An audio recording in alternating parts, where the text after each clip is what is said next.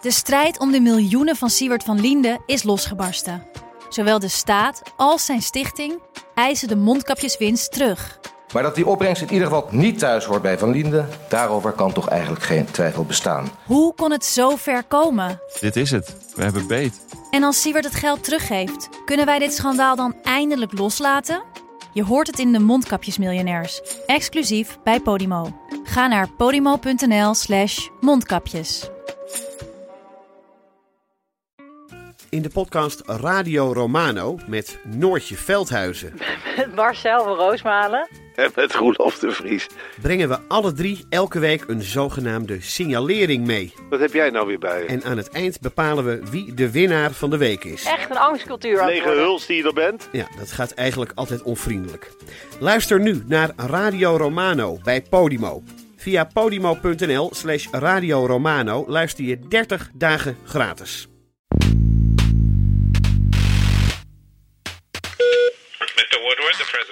Hi Bob. President Hi. Trump, how are you? How are you? I'm turning my recorder on here as I always do. Good. Just so You write in the book that the president's handling of the virus reflects his instincts, habits, and style. What are those? denial, uh, making up his own facts. The title Rage comes from him. He said he brings out rage in people, and he doesn't know whether that's a positive or a negative or a good thing or a bad thing. And also, it describes a condition in the country now. There's a lot of rage out there. Dit is Betrouwbare Bronnen met Jaap Jansen.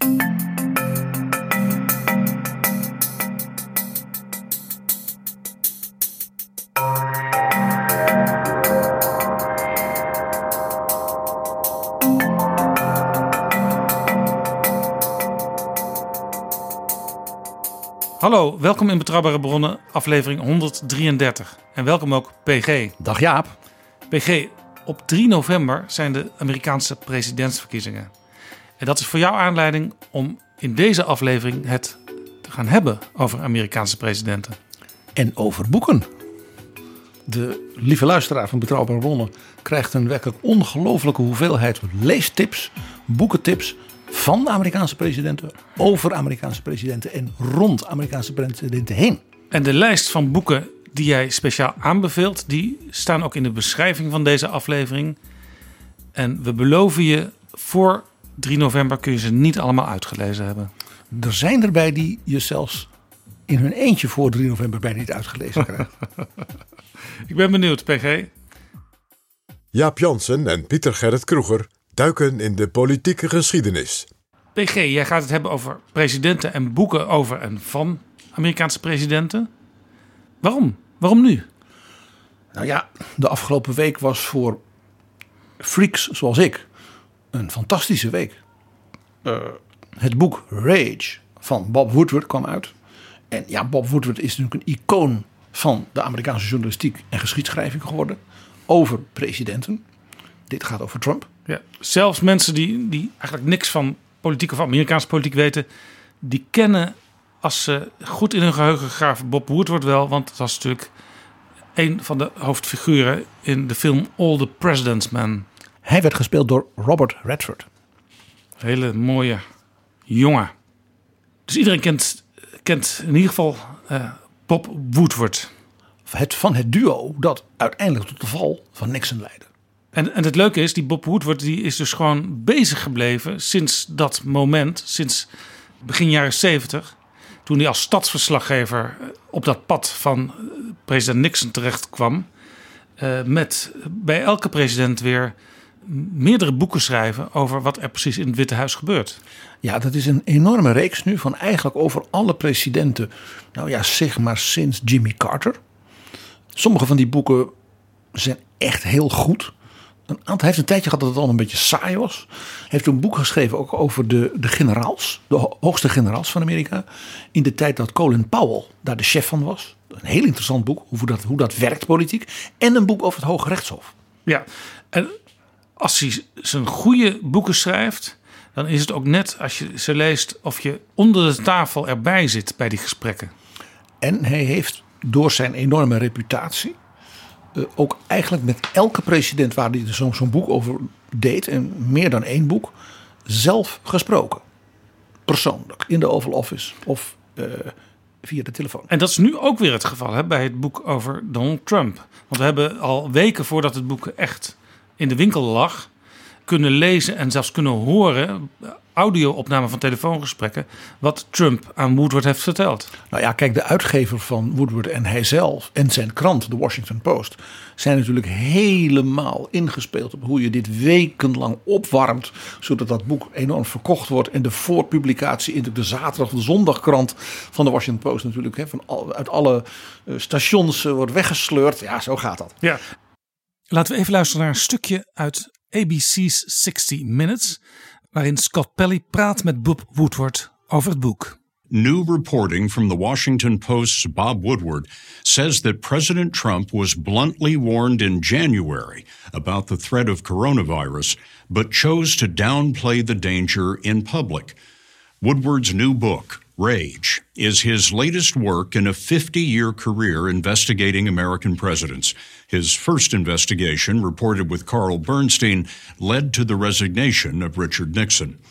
For Rage, Mr. Trump agreed to 18 recorded interviews. This was February 7th. It goes through air, Bob. That's always tougher than the touch. You know, the touch, you don't have to touch things, right? But the air, you just breathe the air, and that's how it's uh, passed.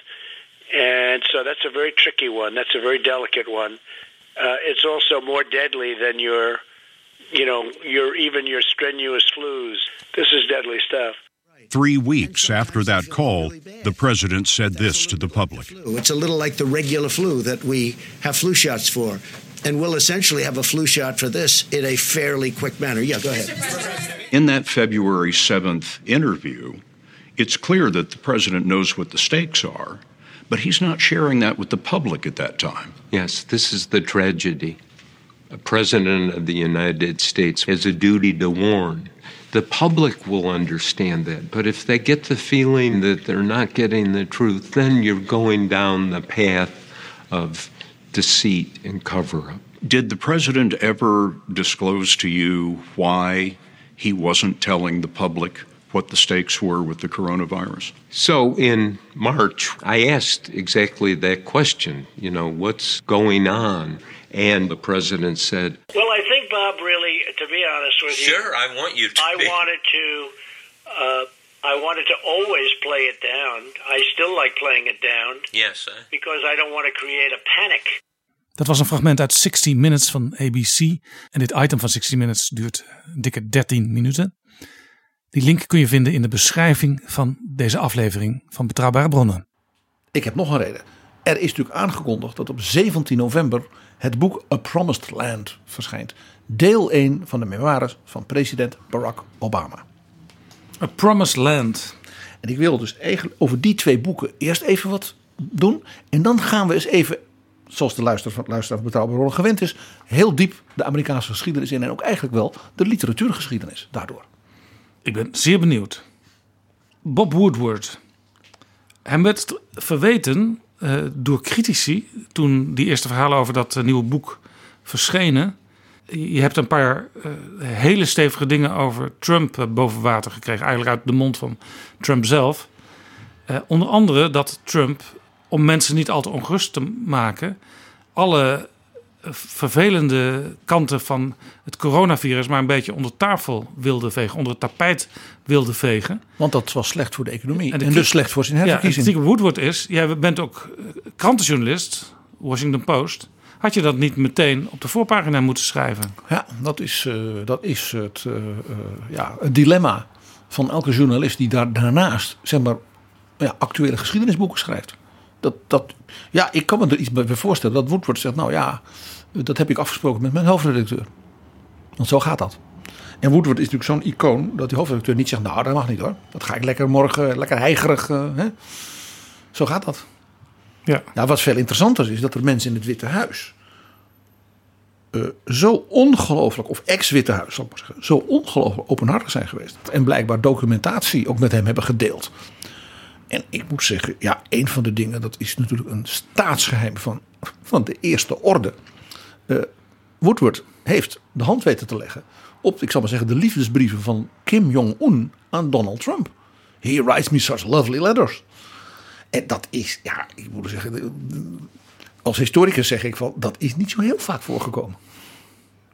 Dus dat is een scoop van, nou ja, wereldformaat gewoon. Ik ga er niks anders van zeggen. Ja, en Donald Trump die staat onbekend, dat heeft Michael Wolff ons verteld. Dat hij eigenlijk alle papieren die op zijn desk liggen op een bepaald moment verscheurt en weggooit. Maar deze brieven waren blijkbaar aan de handen van Donald uh, ontkomen. Ja, op een of andere manier is er, heeft er dus iemand een afschrift blijkbaar uh, aan Woodward uh, gedeeld. Nou ja, ik heb mijn vermoedens eerlijk gezegd over wie die bronnen zijn. Dat is wel, nou ja, dat is op te maken uit. dat is allereerst oud-minister Mattis van Defensie. Jim Mattis. Uh, dat is Rex Tillerson, de wel zeer slecht behandelde minister van Buitenlandse Zaken, die dus de grote baas van ExxonMobil was.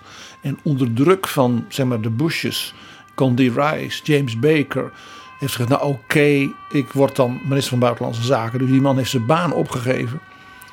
En zijn vrouw heeft ook gezegd: We doen dit voor het land. En omdat God dat blijkbaar van mijn man vraagt. Een hele vrome vrouw. En die is dus echt als oud vuil behandeld. Ja, dus er zijn genoeg mensen die iets op de lever hebben richting de president. En ik denk ook uh, generaal Kelly, die zowel de minister van Homeland Security was, als daarna de wanhopige uh, chef-staf van het Witte Huis, waar Michael Wolff ook over vertelde dat die man ja, zichzelf verlogende. Ook weer in het belang van het land, maar het gewoon niet meer kon opbrengen op een bepaald moment. Ja, interessant is de titel Rage, woede. Razernij komt ook heel erg dicht bij de titel van het eerste boek van Michael Wolff, Fire and Fury. Vuur en woede. Ja. Ook wel razernij, denk ik. Het zijn altijd van dat soort woorden. Hè? Nou ja, het eerste boek van Woodward over Trump had ook zo'n soort titel, toch? Fear was dat toch? Ja. En uh, uh, Siege was weer de titel van het tweede boek van Michael Wolff. Staat van beleggen in het Nederlands. Dat is hele korte, stevige woorden. Ja, met een element van geweld en van emotie. Ja, en angst. Ja, ja. Nou, uh, Jaap, uh, lezen. en dan dat andere boek, wat dus is aangekondigd voor 17 november. Dus precies op de dag na, 14 dagen na de verkiezing. Zijn de memoires van Barack Obama.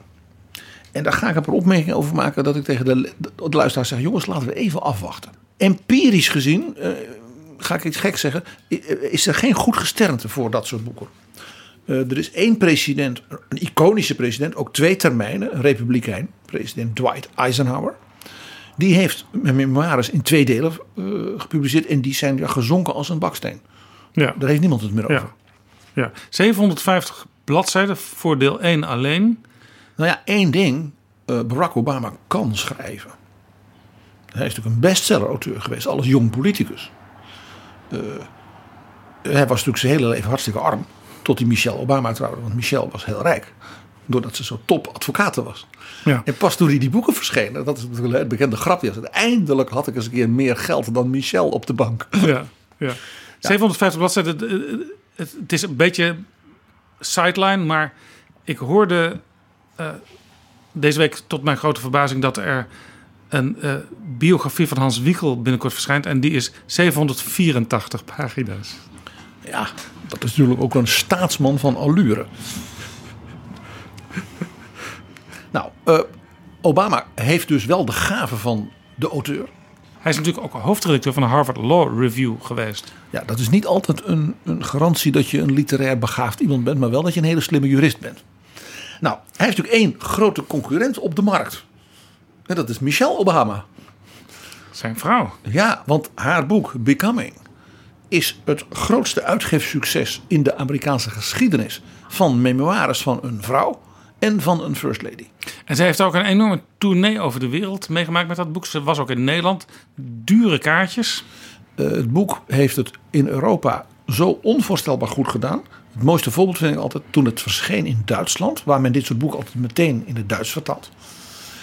Toen kwam het in één klap op één, dus de Engelse editie, van de bestsellerlijst van Der Spiegel. En heeft daar weken op één gestaan. Hij staat er nu nog steeds in. Ja. Dus daar, uh, Michelle Obama is schatje hemeltje rijk geworden van dit boek. Het was ook heel erg in de mode uh, toen het uitkwam bij vrouwen die ik ken, waar ik het dan regelmatig uh, op de koffietafel zag liggen. Je weet dat dat niet betekent dat mensen zo'n boek ook lezen. ik wil één historisch aspect nu al van het boek van Obama belichten. En dat is de titel. De titel is A Promised Land. Een beloofd land. En dat is een onmiddellijk voor iedere Amerikaan helder. is een allusie, een verwijzing, ook een reference, een buiging naar dominee Martin Luther King. Is dat uit zijn laatste speech voordat hij vermoord werd? In Memphis, de dag voor de moord, heeft hij gepreekt. Want dat doet een reverend. Martin Luther King was een dominee. En hij had dus ook die bijzondere stijl van de zwarte kerken in zijn manier van praten, in zijn manier van preken. Wat we ook terugzagen bij bijvoorbeeld uh, John Lewis, zijn jonge medewerker die onlangs is overleden. Precies. En uh, Martin Luther King heeft in Memphis, waar hij kwam om een stakingsactie van het, nou, de vuilnisophaaldienst of iets dergelijks was er. Want die werden allemaal gediscrimineerd, die waren ook allemaal zwart. En uh, dus die, dat was een enorme actie. En hij ging daarheen om dus met hen in een demonstratie te lopen. En de avond voordat zeg maar, die demonstratie was, heeft hij gepreekt in de kerk. En dat zat natuurlijk helemaal bomvol. En die preek is ook opgenomen. En daarom weten we die hele preek ook. Ja, en eigenlijk zouden we ook die hele preek in Betrouwbare Bronnen gewoon integraal moeten laten horen. We laten een stukje horen, want waarschijnlijk herken je het wel als je het hoort. Het is echt een indrukwekkende preek. Well, I don't know what will happen now. We've got some difficult days ahead. But it really doesn't matter with me now. Because I've been to the mountaintop. I don't mind. Like anybody, I would like to live a long life. Longevity has its place. But I'm not concerned about that now. I just want to do God's will. And He's allowed me to go up to the mountain. And I've looked over and I've seen the promised land. I may not get there with you, but I want you to know tonight that we as a people will get to the promised land.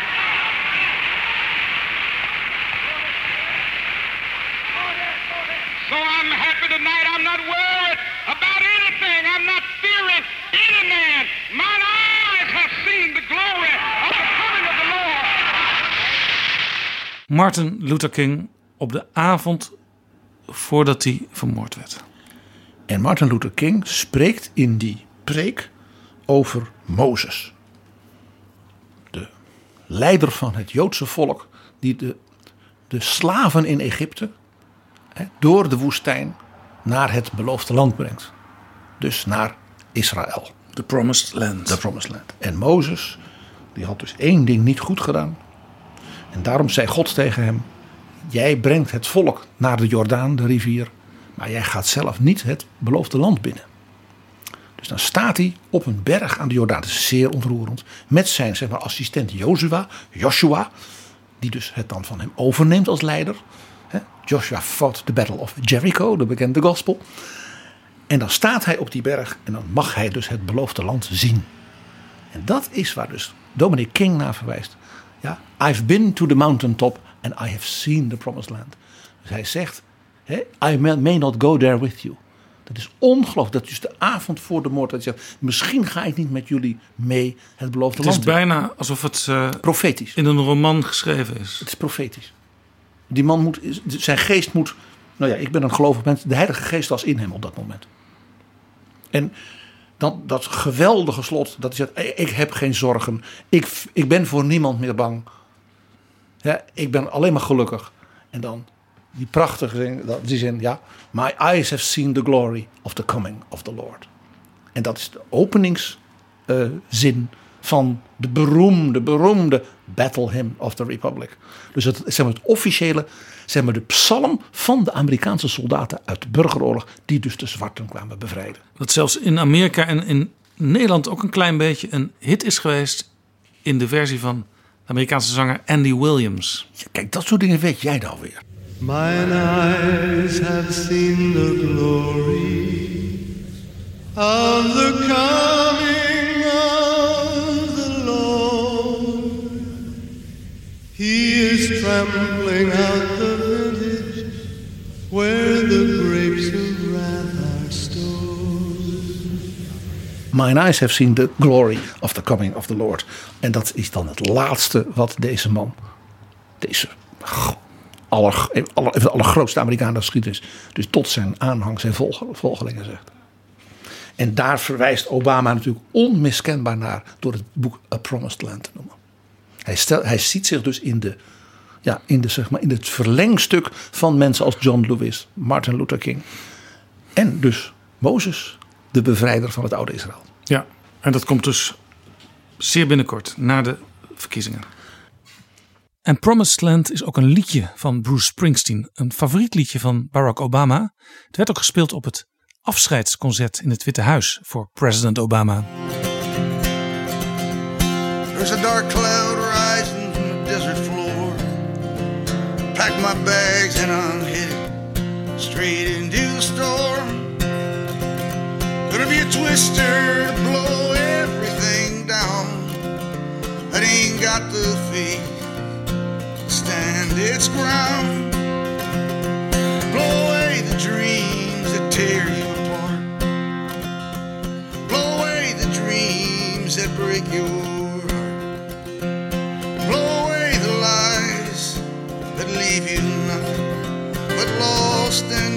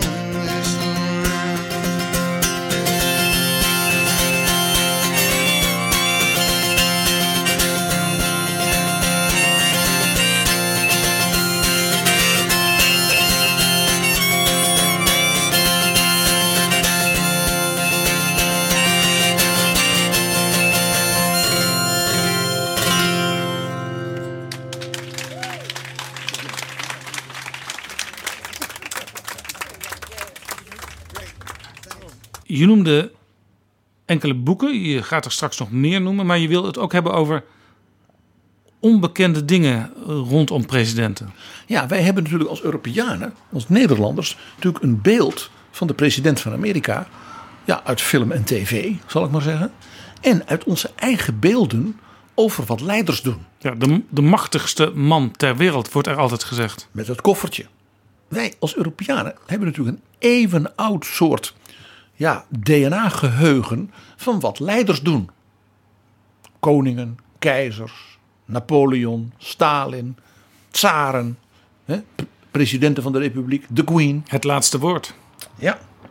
En ook de tolk van de nationale eenheid. Nou, we hebben een tijdje geleden, Jaap, een, een hele betrouwbare bronnen gewijd aan Charles de Gaulle. Nou ja, hè, iconisch soort leidersfiguur, als ook als president.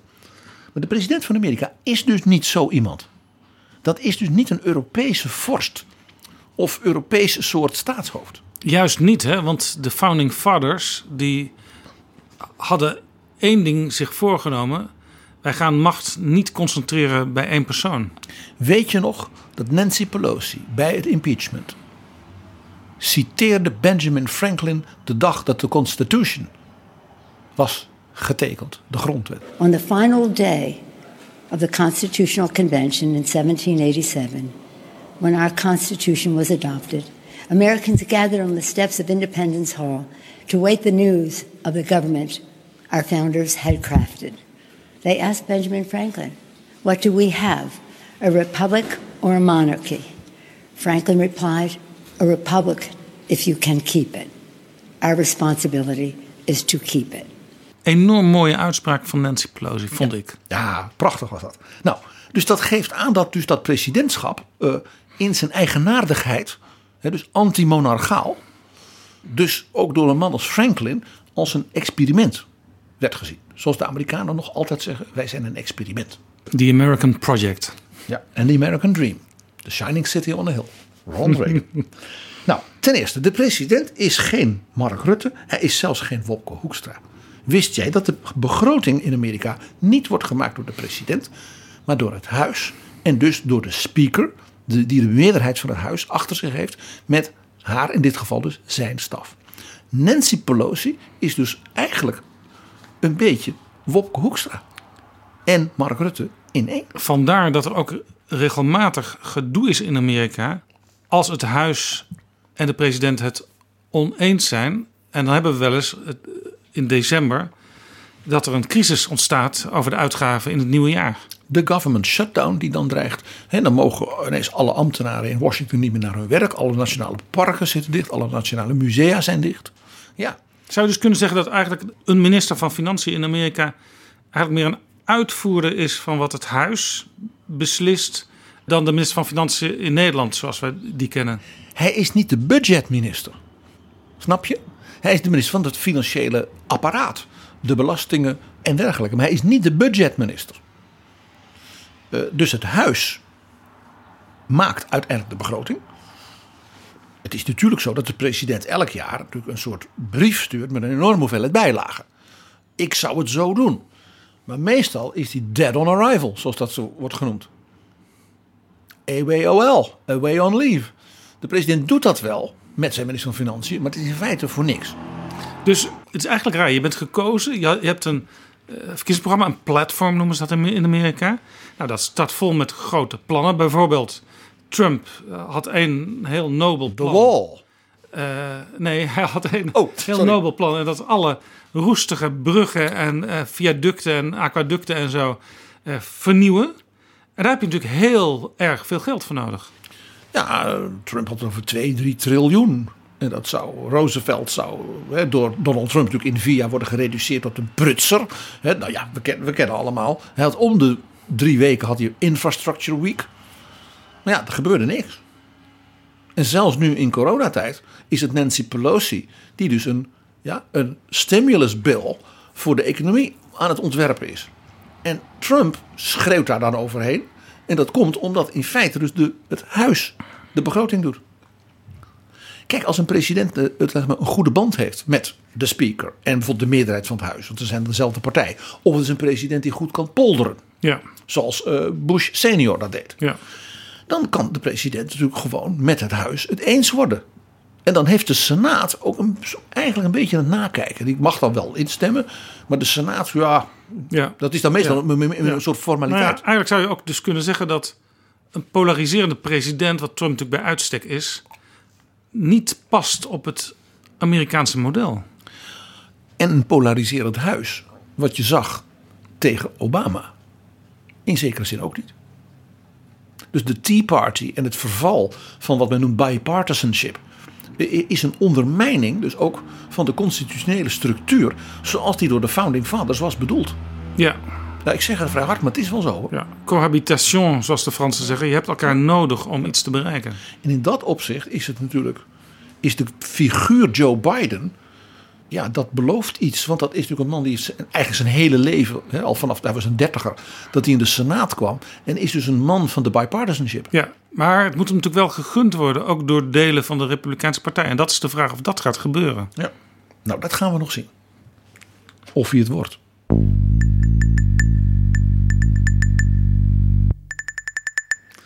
Nog een dingetje. Wist je dat de president, anders dan de beelden, hè, dan gaat hij weer naar het buitenland, en, dan, ja, dat hij helemaal geen verdragen mag sluiten of tekenen? Dat doet de Senaat. Terwijl we natuurlijk de beelden kennen. We hebben het er al vaak over gehad van eh, Ronald Reagan en Mikhail Gorbachev. Eh, En dat moet dan worden goedgekeurd door de Senaat. Dus het kan ook nog wel eens tegenvallen. Dan denk je, ik heb een grootse daad verricht. Maar dan eh, zegt de Senaat, wacht eens even. Waar gaat dit over? Ik ga er twee noemen. die iedereen kent. Het verdrag van Kyoto en het verdrag van Parijs. De twee grote milieuverdragen zijn nooit in stemming geweest in de Senaat. Nee, zijn wel getekend. Ja, de president heeft getekend. Maar dan moet het vervolgens ook worden geratificeerd. Maar de ratificatie door de stemming in de Senaat is nooit gekomen. Dus als de president zegt: Ik hou mij aan die voorschriften, dan is dat omdat de president dat doet. Dus dat is een soort vrijwillig iets. Dat is niet verdragsgebonden.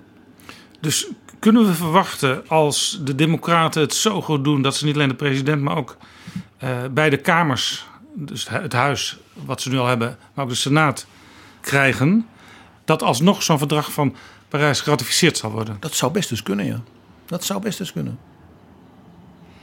Het is natuurlijk als symbool van dat Amerika weer. Uh, mee wil doen. Ja, en in de multilaterale uh, uh, zeg maar polder van de wereld zijn rol wil, wil vervullen, zou dat wel een heel sterk signaal zijn. Waar komt dit vandaan? Dat van die verdragen. Dat dat zo belangrijk is. Dat de Senaat. Hè, dat komt uit het vroege begin van de Verenigde Staten. We gaan nu naar de derde president. Thomas Jefferson, de schrijver van de Declaration of Independence. En alleen om die reden natuurlijk al een van de allergrootste figuren in de Amerikaanse geschiedenis. Maar hij heeft als president nog iets gedaan, waardoor hij als, als president een hele grote is. Hij heeft namelijk het oppervlakte van de Verenigde Staten zeg maar, verdrievoudigd. Via een verdrag. Want de jonge Verenigde Staten uh, was eigenlijk nog maar een klein gebied. Dat had verschillende redenen. Twee redenen eigenlijk. Eén, uh, de, de pilgrims die gingen natuurlijk steeds dieper het vasteland in. Maar rondom wat de Verenigde Staten werden, lagen natuurlijk allerlei koloniën van Europese landen. Ja, kijk, de Verenigde Staten begonnen met die 13 Britse koloniën aan de oostkust.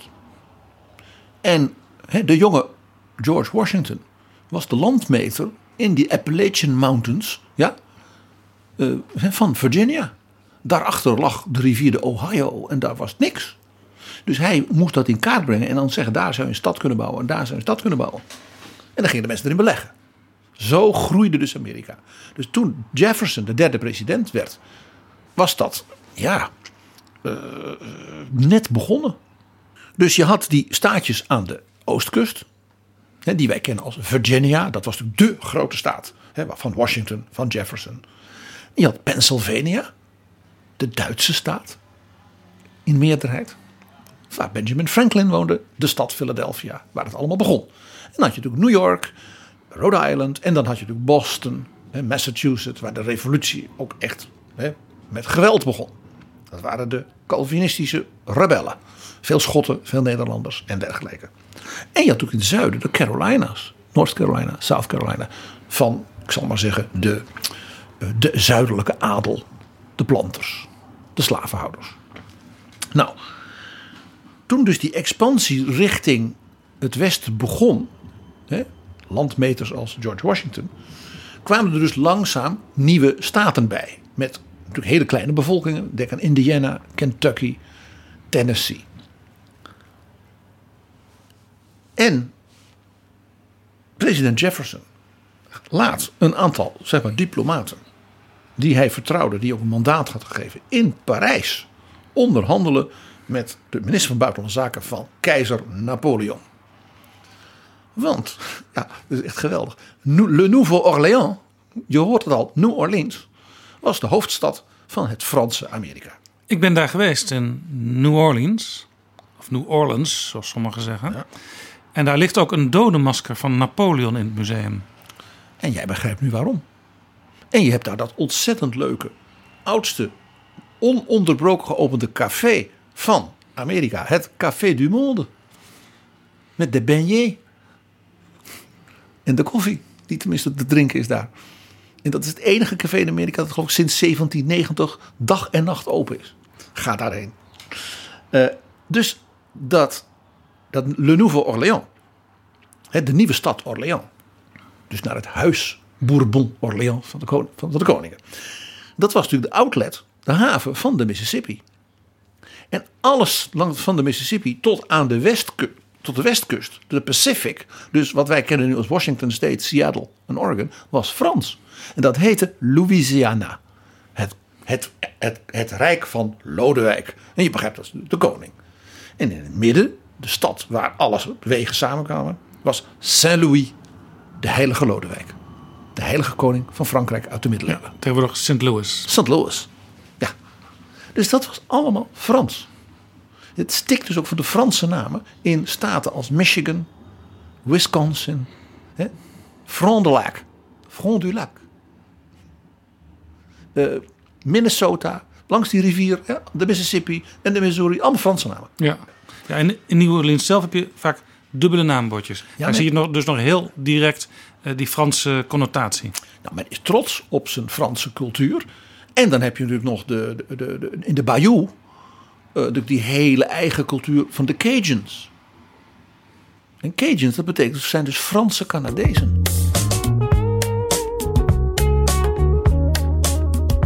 Cajun moon, why does your power lie as you move across the southern sky? You took my babe way too soon. What have you done, Cajun moon? Dus president Jefferson doet onderhandelingen met de minister van Buitenlandse Zaken van Napoleon. Dat was de Prince du Périgord Talleyrand. Een van de meest bijzondere, volkomen gewetenloze mensen in de Europese geschiedenis. Corrupt als maar kon. Dus die liet zich ook nog betalen. En die heeft Napoleon ervan overtuigd dat dat Amerika, daar moest je of 50.000 man heen sturen. En ja, dan had je dus geen geld en ook geen troepen om eh, de tsaar ooit een keer eronder te brengen. Ja, je moest kiezen. Dus Napoleon, die, ja, dat was een man van de gro- grote visie, die heeft dus gezegd: laten die Amerikanen dat maar kopen, dat vastgoed. En die, die, dus die, die diplomaten hebben dus een overeenkomst bereikt met Tal- Talleyrand en Napoleon. En die hebben voor het niet vieze bedrag van 6 miljoen dollar, geregeld door banken in Amsterdam. Ja, daar zijn we weer als Hollanders.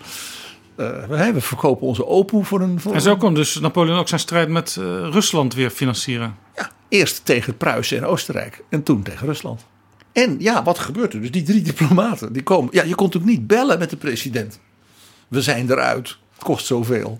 Dus ze hebben getekend, want ze hadden mandaat. Dus ze komen terug met de boot. En ja, gaan met de koets naar het Witte Huis. En zeggen, nou, eh, alstublieft. En ik heb dus dat ding, wat ze dus bij zich hadden, heb ik gezien. Want dat wordt regelmatig tentoongesteld in de National Archives. En dat is Jaap een voederaal. Nou, van zo groot als een tafel ongeveer. In prachtig rood vloer. Met een gouden border erom. Allemaal goud gestikt. In het midden een soort verd- verdikking. Met helemaal in goud. Ook helemaal geborduurd. Een hoofdletter N. Van Napoleon. Napoleon. En daarin zit dus het door hem getekende contract. Over dus de verkoop van Louisiana. En president Jefferson moest dat dus ook tekenen. Maar ja, de president mag helemaal niet dat soort verdragen sluiten. Buiten de Senaat om. Dus wat heeft hij gedaan? Hij heeft het getekend. Natuurlijk heeft hij getekend. Ik bedoel, zijn republiek werd ineens maar, drie keer zo groot. En heeft toen de Senaat een soort briefje gestuurd van ja, ik heb iets gedaan wat eigenlijk niet mag en dat kost 6 miljoen dollar. Dat was zeg maar zes maal, zes maal de begroting van dat Ja, jaar. ja, ja. Stel je voor, hè, dat eh, Mark, Wobbes- Wobbes Wiepkefonds. ja, het Wobbes Wiepkefonds. Eh, eh, stel je toch even voor dat Wopke Hoekstra stuurt een brief aan de Tweede Kamer. Ik heb voor 1800 miljard, hè, zes keer de rijksbegroting, heb ik eh, Namibië gekocht van eh, Zuid-Afrika. Eh, zoiets moet je denken. Nou, de Senaat heeft toen heel verstandig een soort besluit genomen. Waarbij ze als het ware genegeerd hebben dat de president had getekend. Dat is natuurlijk slim. En ze hadden gewoon die drie diplomaten, die hebben ze een soort onderscheiding gegeven omdat ze het goed hadden gedaan voor het vaderland. Zoiets. En daarmee was de zaak dus gedekt. Maar het was wel duidelijk, een president mag dit natuurlijk nooit meer doen. Nee. Maar ja, dit was een, ja, een buitenkantje. En dat leidde er natuurlijk toe dat die, al die ontdekkingsreizen die wij natuurlijk kennen, van al die eh, geleerden, dat is allemaal door Jefferson, die zelf een geleerde was. eh, die heeft dus Lewis en Clark en al die mensen in 1805, 1806, die gingen dus al dat allemaal in kaart brengen. En met die indianenstammen praten. En wat zijn daar voor delfstoffen? En waar, wat kun je waar verbouwen? En waar kunnen boeren? En daarmee begon dus die enorme expansie van Amerika naar het westen. De Manifest Destiny. Dus het was een enorm goede deal achteraf. En raad eens wie Jefferson hierbij geadviseerd heeft. Hoe je dat zou moeten doen, die ontdekkingsreis en hoe je dat organiseert.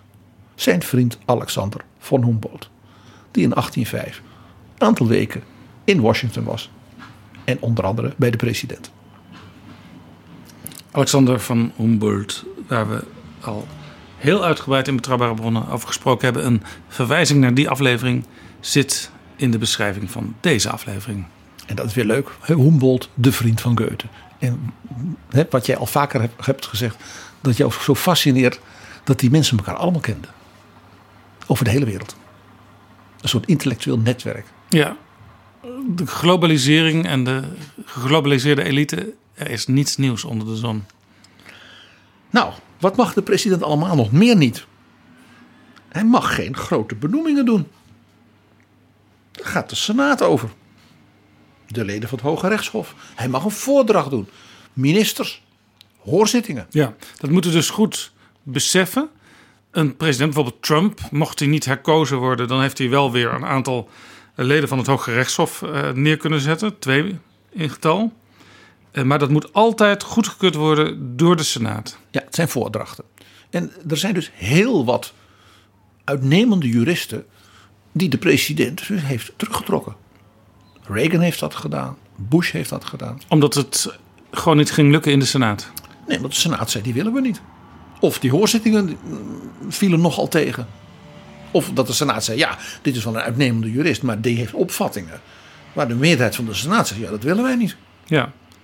Iets vergelijkbaars kennen we natuurlijk in het Europees Parlement, waar nieuwe kandidaat-eurocommissarissen ook getest worden voor een comité van Europarlementariërs. En niet een klein beetje. En een, een zachte vorm hiervan wordt nu ook voorgesteld voor de kabinetsformatie in Nederland. Maar daar is het niet zo dat de Tweede Kamer eh, echt kan tegenhouden. Maar ze willen wel een gesprek met alle kandidaten. Op dit punt, we hebben het er al eens eerder over gehad, is Europa aanzienlijk democratischer, opener en transparanter dan Nederland. En dat hebben we geleerd dus van de Amerikanen. Nou ja, wat kan dus de president wel doen? Want daar zijn natuurlijk trucjes. Als de Senaat niet in zitting is, bijvoorbeeld de zomermaanden, en dat is vrij lang, die recessen, dan mag de president natuurlijk wel een beslissing nemen. Dus als dan in die periode hij een minister ontslaat, die die kwijt wil, en hij benoemt een opvolger, dan heeft zo iemand een acting secretary. En het huidige kabinet van Trump, daar stikt het van de acting directors, acting secretaries. Trump gebruikt dat dus om te voorkomen dat de Senaat allemaal dingen aan die mensen gaat vragen uh, die hij niet wil. En hij hoopt erop dat de Senaat dan redeneert als ze eenmaal uh, weer aan het werk zijn. Ja, die meneer of die mevrouw die zitten nu een paar maanden. Uh, die gaan we niet meer lastigvallen met. Nou ja, de Senaat kan zo iemand wegsturen dan. Maar dan heb je dus een meerderheid nodig. Ja, dus een, een negatief besluit. Maar dat is dus heel apart. Dus als zo iemand dan ook in de Senaat optreedt, dan moet hij altijd een beetje oppassen.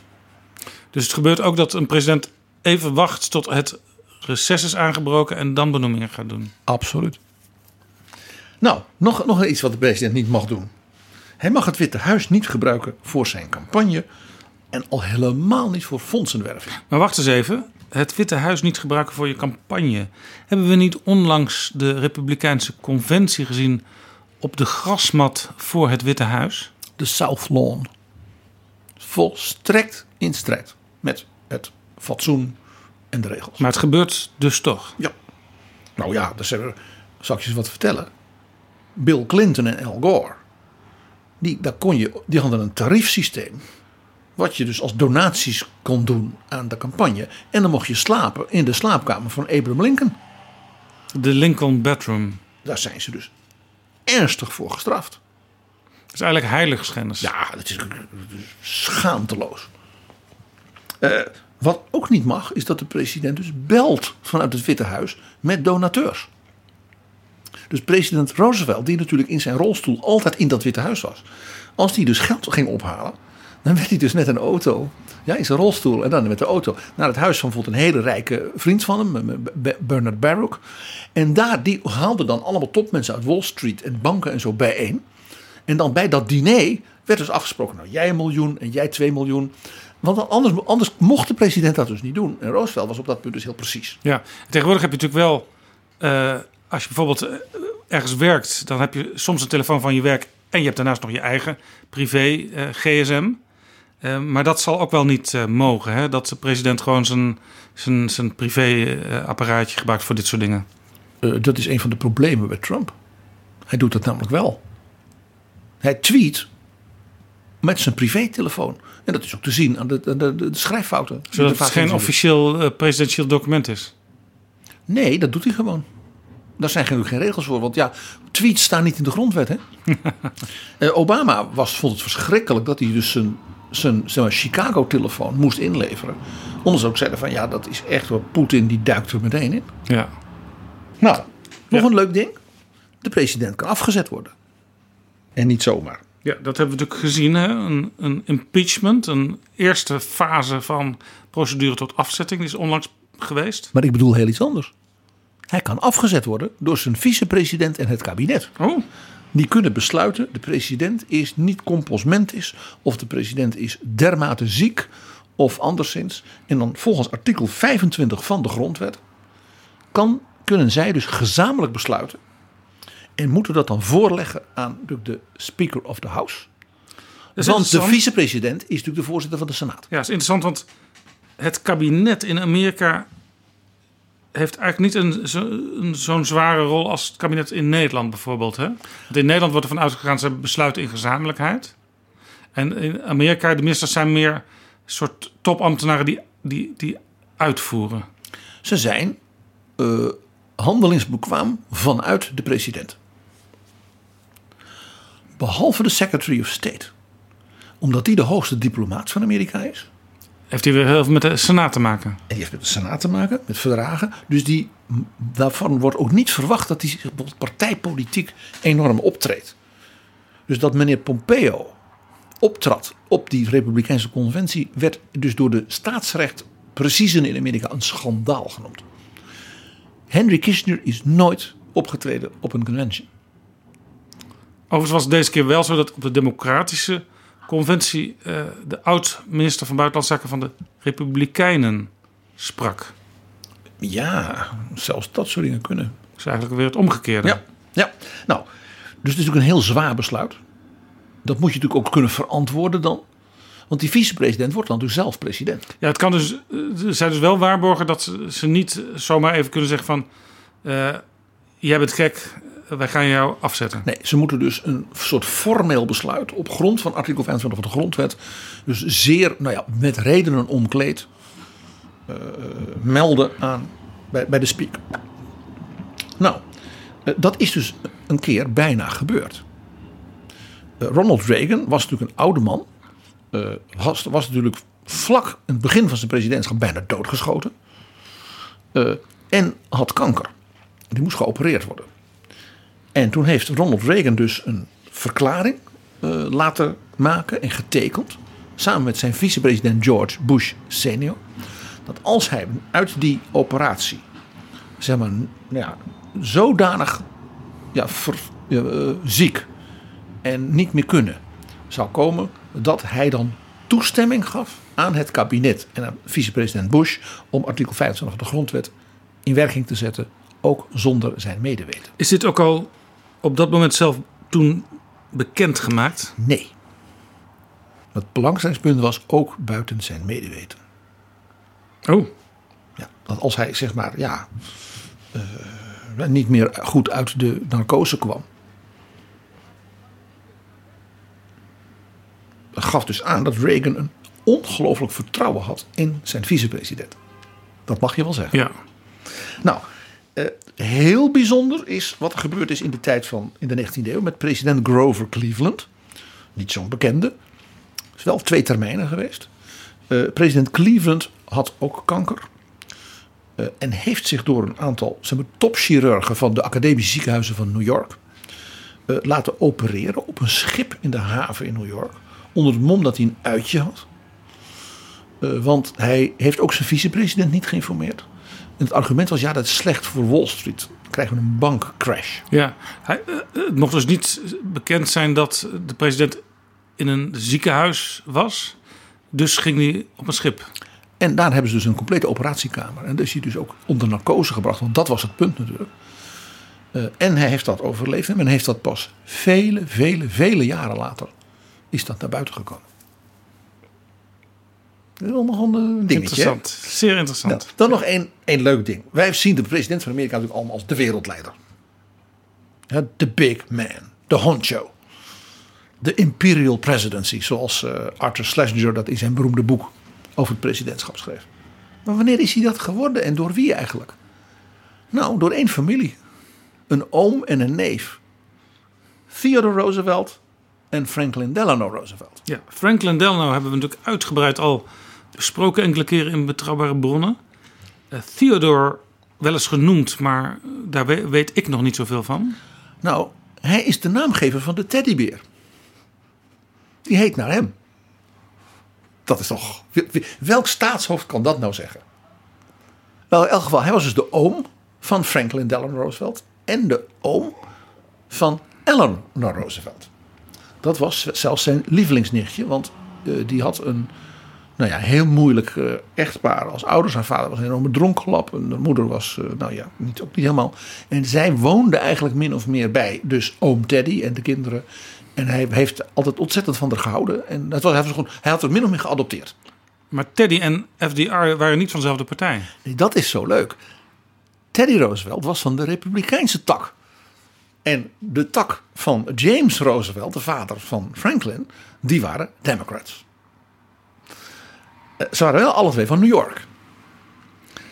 En Teddy Roosevelt is dus de eerste president waarvan je kunt zeggen dat hij Amerika een world power maakt. Dus een global outreach power. Eh, hij hielp eh, zijn voorganger, waar hij vicepresident was, McKinley, met het veroveren van de Filipijnen. En van allemaal van die eilandjes in de Stille Zuidzee. Dus nou ja, dat is, al de, de halve wereld om. En hij vocht zelf, ja, het was een mannetje, bij het bevrijden van Cuba van de Spanjaarden. En hij heeft ook geprobeerd het zo te doen dat Cuba, Puerto Rico en dat soort dingen, dat die dus door dat er Amerikaanse staten zouden worden. Ja, dat had misschien later veel ellende kunnen besparen.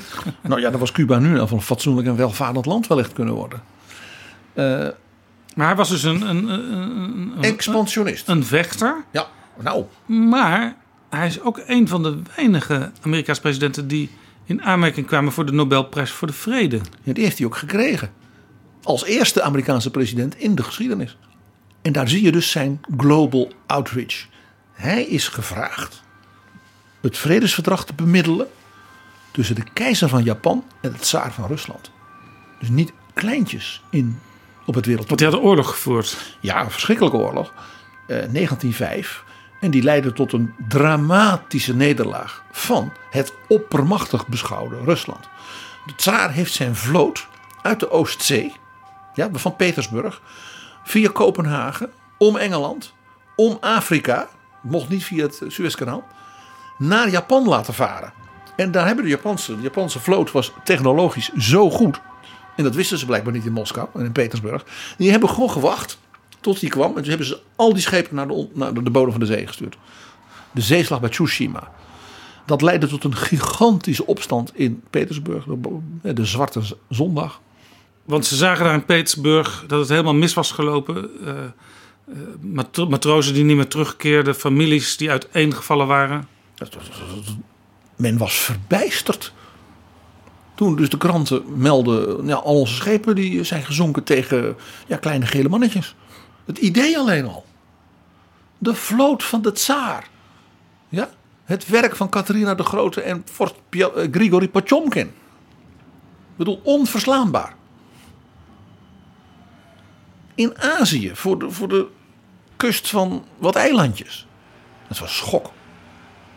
En dat leidde tot enorme opstanden en demonstraties en stakingen. En de tsaar, Nicolaas II, heeft toen dus een Duma moeten afkondigen, een soort parlement.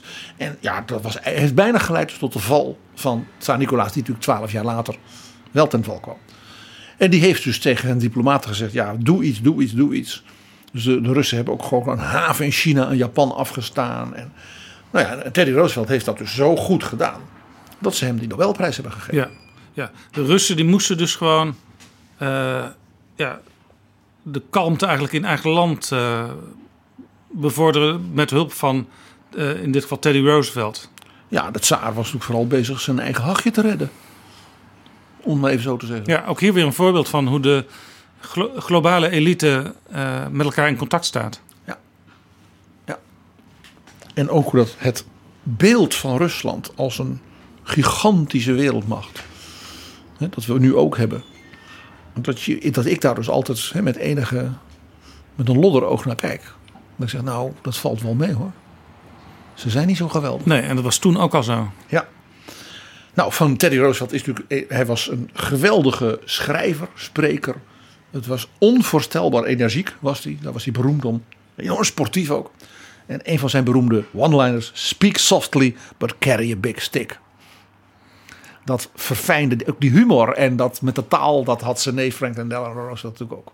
Met andere woorden, je moet met iedereen in contact staan, eh, diplomatiek met iedereen in gesprek zijn, maar je moet niet over je laten lopen. Maar ze moeten zien dat je een hele grote baseballstick achter je rug hebt. Dit is Betrouwbare Bronnen, een podcast met betrouwbare bronnen.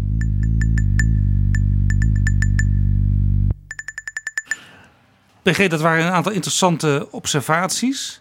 We begonnen met boeken en je wil ook nog wel een aantal must-reads aan ons Ja. voorleggen. Ja, dat er voor de komende weken en, eh, en, en maanden. En, eh, eh, als straks natuurlijk de Obama-autobiografie komt. Dan, nou, hè, inlezen zal ik maar zeggen. Ik begin met iets verrassends misschien. Er zijn twee romans van dezelfde schrijver over Amerikaanse presidenten. En dat is echt magnifieke literatuur. Ze zijn alle twee van Gore Vidal. Het het boek Burr. Dat gaat over vicepresident Aaron Burr. En als ik je vertel, die is eh, voor landverraad veroordeeld. Toen hij geen vicepresident meer was. En heeft de minister van Financiën van Washington, Alexander Hamilton, vermoord in een duel. Oh ja, dat, dat heb je wel eens verteld. En over die man heeft Gore Vidal dus een roman geschreven. En het idee is dat er een soort jonge journalist hem aan het eind van zijn leven interviewt. En zijn herinneringen, ja, dat komt dus niet chronologisch, maar dat maakt het dus buitengewoon interessant. En ja, Gore Vidal kon wel schrijven. En hij heeft een tweede roman, die is nog mooier. En die heet kort en goed Lincoln. En dat is een, een, ja, een, ook weer een, een manier van kijken naar de persoon Lincoln. Doordat hij twee hele jonge assistenten, die hij meenam als een soort secretaris en notulisten, van zijn advocatenkantoor in Springfield, Illinois, m- dus meenam naar Washington toen hij president was geworden. En een van die twee, die is wel de hoofdpersoon van de twee, eh, John Hay. En die is, heeft zelf een grote rol in Amerikaanse, Amerikaanse geschiedenis gespeeld. Niet alleen als zeg maar, nou, 19-jarige secretaris van Lincoln. Maar na Lincolns dood eh, heeft hij allerlei hoge functies gehad. En is heel lang de minister van Buitenlandse Zaken van Amerika geweest. Eh, en heeft dus een, ja, een heel lang en vruchtbaar leven in de Amerikaanse politiek gehad. En van hem zijn dus heel veel herinneringen natuurlijk aan Lincoln eh, natuurlijk bewaard. De andere eh, heeft een, die heette Nicolai, was een Duitser. Heel veel Duitsers in Illinois. Die heeft een boek over Lincoln geschreven, samen met John Hay. Maar dat is vooral dus, zeg maar, het werk van Nicolai. En Gore Vidal heeft dat gebruikt als bron voor deze roman. En dat is een werkelijk prachtig boek. Ook hele gemene dingen erin, zoals altijd bij Gore Vidal. Het portret van mevrouw Lincoln is echt verschrikkelijk. Maar ja, dat hoort erbij. Ik heb nog een tip. Als je nou een keer als er een boek wil lezen, dat je zegt, ik wil eigenlijk een boek lezen over de presidenten van de voorbije 100 jaar. Ja, gewoon in één boek. In één boek. Een soort portretten, analyse. Wie was die persoon? Hoe deed hij? Waarom ging het zo mis? Waarom was hij zo geweldig? Dan moet je naar meneer Leuchtenburg. Een hoogbejaarde Amerikaanse historicus. En die heeft een boek geschreven over alle presidenten van McKinley tot Clinton. Ja, dus eigenlijk nog tot zeer nog niet zo oud. Ja, nee, is niet zo oud. En hij heeft enthousiast aangekondigd dat hij begonnen is aan nog een boek. Ik denk dat hij nu 90 is. Over alle presidenten voor McKinley. Oké. McKinley die eh, in eh, eh, 1901 stierf. Ja, je hebt natuurlijk ook nog, als, als je het over boeken en presidenten hebt, memoires van, van presidenten. We- hadden het net al over eh, Barack Obama. Ja. Zijn die ook ehm, aanbevelenswaardig? Moet je eigenlijk daar ook een plank in je boekenkast voor inruimen? Ja, als je een Amerikaans patriot bent, moet je dat natuurlijk eigenlijk wel doen. Maar ik ga maar heel onaardig zeggen, sla ze over. Op een paar na. Dus ze zijn meestal of veel te braaf. Ik heb zoveel goeds voor de wereld in Amerika gedaan. Ja, het zal wel. Eh, of te zuur. Bijvoorbeeld Jimmy Carter, dat is echt een afrekening. Eh, het boek van Bill Clinton is een enorm dik boek, maar het heeft geen thema. Zoals, the- zoals Bill Clinton zelf. Het gaat alle kanten op, ja? maar er zit geen verhaal in. Nou, ik, we hebben het al eens even gehad over de, de verschrikkelijke memoires van Lyndon Baines Johnson, die gewoon onleesbaar zijn. Oh ja. Omdat de aardse Texaan, de briljante politicus, onmogelijke man, ja, larger than life, alleen maar hele brave dingen vertelt. Hij heeft Kennedy zo vereerd en eh, alles, het, alleen maar eigenlijk, lief. eigenlijk eh, helemaal in strijd met wie die was. Ja. Dat is zo raar. En zijn ghostwriters waren dus ook in wanhoop. Want elk leuk verhaal zei nee, nee, that- that's not presidential. Dus niet lezen. Dan, de- de memoires van Reagan, ja, die zijn natuurlijk eigenlijk door anderen geschreven. Want hij was natuurlijk al heel snel in feite aan het Alzheimer. Ja. Ik heb twee tips. En dat zijn twee presidenten waar ik misschien niet van verwacht. Boeken die we wel moeten lezen. Ja. Een uitstekend memoiresboek. Natuurlijk verdedigt hij zichzelf. Is R.N. Richard Nixon, de memoires van Nixon. Want dat was natuurlijk wel een briljant politicus. Zeker op het buitenlandterrein. En natuurlijk wel een fantastisch leven. Al heel jong senator. Vicepresident van Eisenhower. Verliest dan van Kennedy. Wordt dan toch president. Twee termijnen. Watergate. Ik bedoel, what a life. Ja, ja, ja. ja Nixon, ik kijk ook altijd gefascineerd naar documentaires over hem. Dat is gewoon een, een hele interessante man. En hij heeft veel meer te bieden dan alleen maar dat slechte van zijn, van zijn laatste jaren. Ja. En de man die dus ten val kwam door Bob Woodward. Uiteindelijk. En de memoires, het boek Decision Points van George W. Bush. Decision Points. Dat is echt een boeiend boek. Het is helemaal niet veel te dik. Dus hij slaat gewoon een heleboel over. Dat hij denkt, dat zal wel. Dat doen de historici maar. Maar hij gaat dus langs een aantal van zijn beslismomenten. Precies. En probeert dan de lezer als het ware mee te nemen in wat doe je dan als president? Hoe zag ik dat? En dat zijn dus hele interessante onderwerpen. Bijvoorbeeld, het begint over dat hij zegt, wat ik het aller, allerbelangrijkste vond, wat ik als president wilde doen, is wat ik gedaan heb als gouverneur van Texas in twee termijnen. Het onderwijs. Dat is zijn grote passie. En hij beschrijft dus dan het, bekende verhaal dat Laura Bush in een hoorzitting in de Senaat zou komen met Teddy Kennedy, de voorzitter van de commissie onderwijs. En ze waren het eens, George Bush en Kennedy. Zo gaan we het doen. En Laura Bush zou als eh, librarian, bibliothecaresse en lerares dus als daar het verhaal komen doen. En dat was de ochtend van 11 september 2001. En zij zijn dus door de geheime dienst, die oude Kennedy en de First Lady, weggesleurd uit zijn eh, bureau. En dus in een kelder, waar zij dus haar man niet kon bereiken. En het cadeautje dat Kennedy voor Laura Bush had gemaakt dat weekend, namelijk aquarel, een bloemenaquarel, dat is dus tussen alle troep verdwenen, is teruggevonden, helemaal verfomfaaid en ligt nu in de Bush Library als symbool van die dag. En interessant, een aquarel. Bush zelf is later ook gaan schilderen, portretten. Portretten, is weer een nieuwe serie uit van portretten. En er is zelfs een boek verschenen waarin eh, die portretten staan afgedrukt. En ik ben in de tentoonstelling geweest van die portretten van veteranen van Afghanistan en Irak. Eh, van president George W. Bush in zijn library. Ja. Zijn library is natuurlijk de laatst geopende. Is dus super high-tech.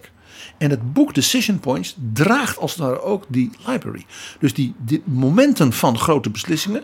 Dit zijn als het ware ook de hoofdstukken, de zalen in die library. Dus je loopt van hoofdstuk naar hoofdstuk. Ja, en, eh, en dus in het midden, dat is het Decision Point, Point Theater. En dat is een soort virtual gaming eh, centrale. Waar je dus al die beslissingen zelf mag overdoen. Dus je krijgt alle informatie en dan moet je dus beslissen: wat ga ik nou doen? Nou ja, ik ga laten die Osama Bin Laden lopen. Hè, want eh, slecht voor de economie dat ze oorlog gaan voeren. Nou, dan komen er dus beslissingen van: oké, maar dan gebeurt er dit. Ja. Eigenlijk ook een beetje wat als je eh, jong eh, internationaal ambtenaar wil worden, in opleiding bent. Dan heb je bijvoorbeeld klasjes die ook naar Klingendaal gaan. En daar ook met dit soort beslis crisis eh, geconfronteerd worden. Dus scenario's, mogelijkheden, opties. En dat zit daar dus ook. En dan echt van de orkaan Katrina tot de inval in Irak, het onderwijsbeleid, 11 september, Afghanistan. Totaal fascinerend. Ja, George Bush Jr., zoals wij hem altijd noemen. W. Eh, er wa- waren wel wat vraagtekens altijd bij hem hier in Europa. Maar het is de moeite waard, zeg je. Ja, en Bush is natuurlijk in een opmerkelijk soort eh, ja, tweede jeugdpolitiek gekomen. Eh, iedereen zegt natuurlijk dankzij Donald Trump. Hadden we nog maar een republikeinse president als George W. Bush met al zijn ja, fouten. En helemaal als zijn vader, George Bush senior. Die als een, nou ja, als een ongekend staatsman natuurlijk eh, is uitgezwaaid bij zijn begrafenis. En terecht natuurlijk. Ja. En door de vriendschap van Michelle Obama en W. Dat is natuurlijk een van de meest boeiende verhalen en onverwachte ontwikkelingen in de Amerikaanse geschiedenis. Ja. Er zijn dus een paar boeken van presidenten die wel de moeite waard zijn. Zijn er nog andere soort boeken waarvan jij zegt, nou let daar eens op, ga, ga daar eens naar kijken. Ja, er zijn zeg maar, intimi van presidenten. Mensen die dus met ze gewerkt hebben. Die vaak dus ongelooflijk boeiende eh, boeken hebben geschreven. Waardoor je een kijk krijgt op hoe dat Witte Huis functioneerde. Hoe die president was. Dat kan dus heel kritisch zijn. Hè? Dat kan ook heel verrassend zijn. Eh, ik ga als eerste noemen Peggy Noonan. De hele jonge vrouw. De favoriete speechschrijver van Ronald Reagan. Ja, ze heeft een boek geschreven, What I Saw at the Revolution. En dat boek is ja, een literair juweeltje. Want schrijven kan ze, dat wist natuurlijk uit die speeches al. En Ze heeft nu een hele goede, interessante politieke column in de Wall Street Journal. Ja. Ze is ook een anti-Trump-republikein. En dat boek is enig en ontroerend. En het mooie is, het hele boek gaat uiteindelijk over dat ze zegt... wie Ronald Reagan nou was, weet ik eigenlijk nog steeds niet. Terwijl zij eigenlijk boetseerde ook aan het beeld van Ronald Reagan Ja. tijdens zijn presidentschap. Door die speeches te schrijven. Het boek is zeer aan te bevelen. Wat ik echt fantastisch vind, zijn de twee boeken van Bob Gates. Robert Gates. Ja, die is ongeveer alles geweest de voorbije 50 jaar. eh, wat van belang is voor zeg maar, het internationale en veiligheidsbeleid van, van een hele reeksen presidenten. Om je een idee te geven, hij, was, hij werkte al voor Johnson, hoewel hij een republikein is, eh, op het Witte Huis als een soort assistent buitenlandse politiek. Eh, heeft ja, de Nixon-jaren meegemaakt. Eh, heeft heel veel gewerkt met Reagan en de Bushes. Dus toen was hij eigenlijk altijd even de topmens. En hij werkt uiteindelijk ook nog voor Barack Obama. En hij heeft ook voor Barack Obama gewerkt. Nou, dat zegt wel iets. Hij was directeur van de CIA, hij was National Security Advisor, hij was de tweede National Security Advisor. Dus als iemand weet hoe je... En hij was dus de minister van Defensie op het Pentagon van Bush. En Obama heeft gezegd: jij blijft. En hij kan dus heel goed vertellen hoe je je redt uit crisissituaties. Ja, zijn memoires zijn zeer goed geschreven. Het heet Duty. En zijn net uit, uitgekomen boek heet Exercise of Power. En dat gaat over eigenlijk die 50 jaar. En hoe hij met presidenten en met mensen als James Baker en ja, Hillary Clinton. eh, dus heeft gewerkt aan de grote vraagstukken die Amerika in de wereld nou ja, voor zich ziet. Een soort handboeksoldaat voor de top. Ja, het is eigenlijk een soort, soort summa voor de opvolger van Donald Trump. Van alle grote wereldproblemen. En wat zou je nou wel kunnen doen en wat zou je niet kunnen doen. Dus eh, ga naar de boekhandel en koop Exercise of Power als je geïnteresseerd bent in de rol van Amerika in de wereld. En hoe de wereld dus nu ook op Amerika inwerkt. Wat hij beschrijft bijvoorbeeld over hoe, hoe Trump met Kim Jong-un gaat, omgaat. Dat is gewoon recht vernietigend. Ja, je hebt Bob Gates. Je hebt natuurlijk ook iemand als eh, Donald Rumsfeld... die ook eh, een boek geschreven heeft. Die memoires van hem over dus ja, 9-11, Afghanistan, Ja. Irak. Titel Known and Unknown, 2012. Ja, ik heb er echt verslonden. Het is natuurlijk geen man van, laat ik zeggen, laat ik zeggen een groot mensenvriend. Eh, hij is niet populair, zou ik maar zeggen. En als minister van Defensie en met Irak en zo. Maar ja, hij legt uit, verdedigt natuurlijk. Komt met, ja. Maar ook de manier waarop hij bijvoorbeeld het Pentagon heeft hervormd. gemoderniseerd. Dat was eigenlijk zijn grote ding. Dat is echt fascinerend. Hoe je dus, eh, ik zou bijna zeggen, dat Alexander van Huffelen en Hans Veilbris moeten dat maar eens lezen. Belastingdienst hervormen. Dan nog twee vrouwen. Eén hebben we alles genoemd. Lady Bird Johnson. Die hebben we vaak genoemd. De iconische First Lady en ze buitengewoon succesvolle zakenvrouw. Die heeft een boek geschreven, White House Diary. Dus die heeft haar dagboeken eh, eh, bewerkt tot een heel dik boek over dus de tijd dat zij eh, de vrouw van president Johnson was. Dat boek begint dus op 22 november 1963 in Dallas. Ze sprak het allemaal in met een microfoontje op een bandrecorder. Ja, zo kon ze haar gedachten ook ordenen. En ze was natuurlijk ook de absolute nummer één adviseur van haar man. Dat was een heel bijzonder, heel bijzonder stel. En zij, het is dus geen zeg maar, groot literair meesterwerk, maar dat hoeft ook niet. Ik denk dat er geen boek is van een First Lady dat zoveel inzicht biedt. Ook doordat ze natuurlijk zo'n buitengewoon intelligente en evenwichtige vrouw was. En dan Elizabeth Keckley. Dat is eigenlijk de eerste medewerker van een president die een boek heeft geschreven over het leven in het Witte Huis. En Elizabeth Keckley is iets heel bijzonders. Ja, want wat was haar functie in het Witte Huis? Zij was de naaister van Mary Todd Lincoln, de First Lady. Ze was zwart. En ze heeft dus na de dood van president Lincoln een boek geschreven over haar belevenissen. Dat werd in die tijd absoluut niet gepikt. Nee, wat is natuurlijk ook een manier om geld te verdienen. Ja, ze is ook heel rijk geworden. Zeker in Amerika. Ze is een zakenvrouw, een succesvolle zakenvrouw geworden. Dus een zwarte naaister modiste. En dat boek is heel bijzonder. Zitten hele bijzondere scènes ook in. Ook van ja, het privéleven van Abraham Lincoln en zijn zeer moeilijke en vaak hysterische vrouw. En ook hele beroemde passage over het intense verdriet van Lincoln toen hun jongste zoontje aan difterie stierf midden in die burgeroorlog in het Witte Huis.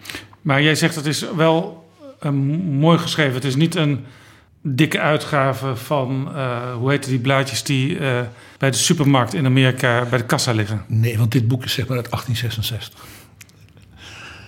Dus er is zo'n heel bijzonder iets in de geschiedenis. Een zwarte, ja, mede, ja, nou ja, een, iemand van de, van de, van de kledingonderhoud.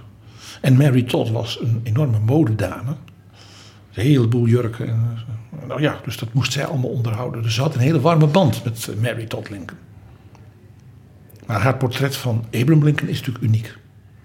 PG, je hebt al een hele smak boeken neergelegd. De, de, de stapel wordt zo groot dat ik er bijna niet meer kan zien. Ja, ben je er nog? Ja. We zijn er nog. Als we het nou wat eenvoudiger willen doen en stel je bent geïnteresseerd in Amerikaanse presidenten en je wil per president één boek lezen, een echt heel goed boek om meer over die president te weten te komen. Welke boeken moeten we lezen? Ik ga een aantal presidenten nemen die als het ware, waarvan je ook zegt, het levensverhaal van die vrouw of die man. We hebben nog geen vrouw gehad.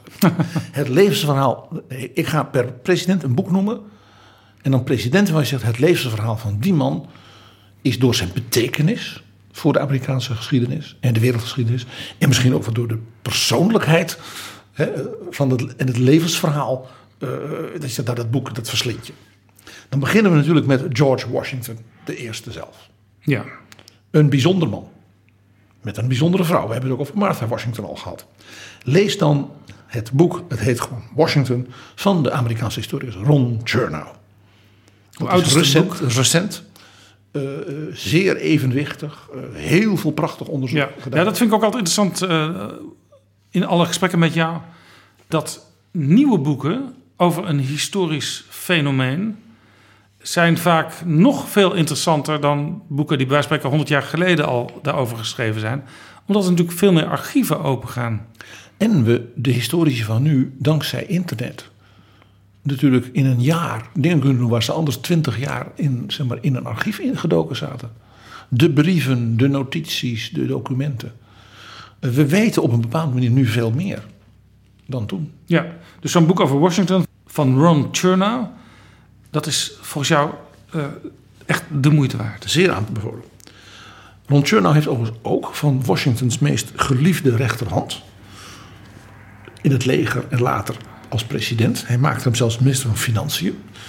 De eerste dus van Amerika. De grondlegger van de federal, van de federal banking system en alles. Alexander Hamilton. Met dat zeer kleurrijk leven. Vermoord door Aaron Burr van de roman van Vidal. En dat boek is zo'n succes geworden, want hij was helemaal vergeten in Amerika, dat daar die beroemde rap musical over gemaakt is. Oh ja. Dat is naar aanleiding van dit boek. Uh, welke president heb je nog een boek over in de aanbieding? John Adams, de tweede president van Amerika. Met ook een bijzondere band met Nederland. Hij heeft hier gewoond. Ja. Met zijn zoon John Quincy, die in Leiden studeerde. En John Adams, daar heeft David McCullough het is geen familie van Bob McCullough, die wij hadden als rector van Harvard. dat is David McCullough. En die heeft er echt een schitterend boek over geschreven. En dat is een beetje een soort eerherstel voor Adams. Ja, we gaan uh, trouwens binnenkort in Betrouwbare Bronnen aandacht besteden aan de speciale band van een aantal Amerikaanse presidenten met Nederland. Ja, ik verheug me daar enorm op. Dat begrijp je. Dan de fase wat we nu gewoon het grote drama van de Amerikaanse geschiedenis, de burgeroorlog. Noord tegen Zuid. Met natuurlijk de emancipatie, zoals men het heette, van de slaven. Ja. En dat is natuurlijk Abraham Lincoln. Ja, we noemden hem al. Abraham Lincoln, er is, over geen president is er zoveel geschreven. Nieuw is een cyclus die nu verschijnt om de paar jaar een deel van Sidney Blumenthal. Sidney Blumenthal is natuurlijk uh, een belangrijke adviseur geweest van de Clintons. Ja, en die schrijft dus als Democrat een enorme serie dus biografische boeken. dus al door weer uh, de, de, zijn jeugd en zo dat, zo dat. Van dus de oprichter van de Republikeinse Partij. Dus dat is interessant en het is ja, zeer gedetailleerd. Uh, en ook hier weer dat prachtige onderzoek wat natuurlijk nu kan. Uh, met alle kranten in Amerika die je gewoon online kunt oproepen uit die tijden. Nou ja, ja, en nou, hier, interessant. Hier nog even de kanttekening dat ook iemand die zeg maar nu democraat is een republikein van toen, dat hij zich daar heel erg verwant mee kan voelen. Hoewel dat natuurlijk niet eens hoeft als je er een boek over schrijft. Maar er zijn in de loop van de geschiedenis wat veranderingen geweest in beide partijen. Maar kijk, Lincoln wordt helemaal niet meer als iemand van een partij gezien, maar is een soort vader des vaderlands geworden. Net als Washington natuurlijk was. Het was ook zijn naam, de vader of the fatherland. En natuurlijk in zekere zin geldt dat ook voor Franklin Roosevelt. Ja. En bij sommigen ook voor Ronald Reagan inmiddels. Nou, dan is er na Lincoln kreeg je natuurlijk die president eh, Johnson, Andrew Johnson, die dus bijna een impeachment aan zijn broek kreeg. Uh, en die werd opgevolgd door Ulysses Grant. Ja, ik moet altijd denken aan het schip, de Ulysses Grant. En daar is een recent een schitterende biografie van verschenen door diezelfde Ron Chernow weer. Die Ja. kan het. Dus. Ook dat is net als zijn boek eh, eh, over Hamilton. Een boek over een beetje vergeten iemand bijna. En ook een eerherstel. Hij laat zien dat Grant als zeg maar, leerling en vereerder van Abraham Lincoln... eh, als president heel hard heeft ingegrepen in het zuiden... waar dus de blanke eh, minderheid probeerde de, de, de burgerrechten... het kiesstelsel en alles van de zwarten... die nu burger waren, geen slaaf meer, kapot te maken. En hij, hij, is, hij zegt ook, uh, Chernow die zegt, eh, even los van Abraham Lincoln, geen president in de geschiedenis heeft zo zijn best gedaan voor de zwarten en hun rechten tot Lyndon Johnson Ja. als Ulysses Dus Grant. er komt een extra spotje te staan op het leven van Ulysses Grant. Ja, en een heel leuk element is, het, het is ook een, bijna een dubbelbiografie, want het, het huwelijk van Ulysses Grant met Julia Grant eh, komt in dit boek dus enorm aan de orde. En dat is een- zo'n groot liefdesverhaal. En de tweede keer dat dat dan in de Amerikaanse geschiedenis gebeurt. John Adams had ook zoiets met zijn vrouw Abigail. Hun briefwisseling is zelfs een klassieker. Ja. Dit is Betrouwbare Bronnen. Als we dan, PG, naar het wat modernere Amerika gaan. En modern, dat nemen we dan breed. Hè, dan gaan we ongeveer de afgelopen 100 jaar langs. Wat kan je ons dan aanbevelen? Ja, je kunt natuurlijk niet om Franklin Delano Roosevelt heen. Wij hebben al de drie delen van Nigel Hamilton over Roosevelt als commander-in-chief. Ja, in de- Mental of Command. Mental of Command in de Tweede Wereldoorlog. Wat een echt een volledig nieuwe interpretatie eh, gaf. Er is over FDR, net als over Lincoln, bijna te veel. Ik adviseer niet de meest recente dikke biografie van de overigens uitstekende Robert Delk.